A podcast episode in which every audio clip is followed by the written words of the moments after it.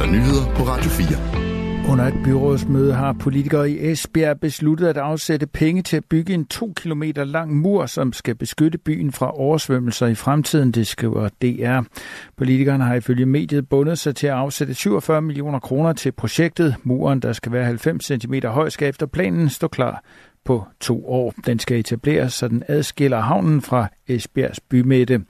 Esbjerg er et af de 14 områder i Danmark, som er udpeget til at være i særlig risiko for oversvømmelser. Byen blev udpeget af Kystdirektoratet i 2018.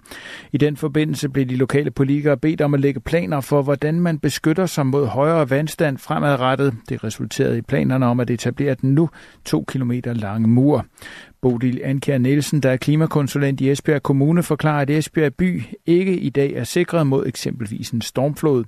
Derfor har man designet den nye mur, så den kan modstå en stormflod, der er på linje med den byen oplevede i, to, i 1981. Det var den største stormflod, vi har set i Esbjerg. Muren kan beskytte mod vand, der er oppe i 4,5 meters højde over havets overflade, siger hun til DR. En række toplansboliger i Snækkersten, som blev evakueret den 2. februar, er i risiko for at styrte sammen som et korthus, det skriver Boliggården, der administrerer boligerne i en meddelelse på sin hjemmeside. Ingeniørvirksomheden Sveko har foretaget en gennemgang af bygningerne og har blandt andet konstateret, at bygningerne er ustabile, fordi vægge og dæk ikke er sammenhængende.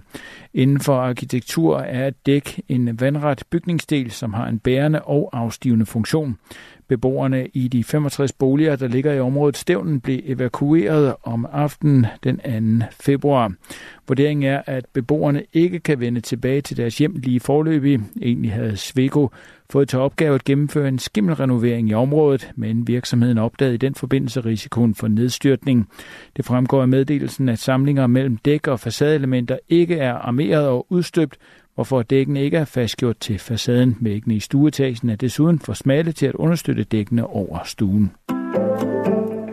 Over 100 forældre til børn på Agedrup skole lidt uden for Odense har sendt et brev til flere myndigheder. Her udtrykker forældrene bekymring over en række hændelser på skolen. Det skriver Fyns Stifttiden og TV2 Fyn.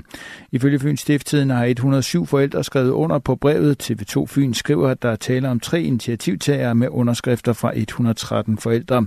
Brevet er sendt til skolen til undervisningsminister Mathias Tesfaye og Odense Kommunes børne- og ungeforvaltning. Forældrene skriver i brevet, at Adrup skole har været en tryg skole tidligere, men normalen har flyttet sig markant, lyder det ifølge Fyns Stifttidene. De skriver ifølge mediet videre, at uhensigtsmæssige grænseoverskridende adfærd fylder meget i hverdagen og udfordrer undervisningen samt læringen. Ifølge forældrene dækker den uacceptable adfærd blandt andet over trusler med kniv ned til 4. klasse og indtag af alkohol og euforiserende stoffer.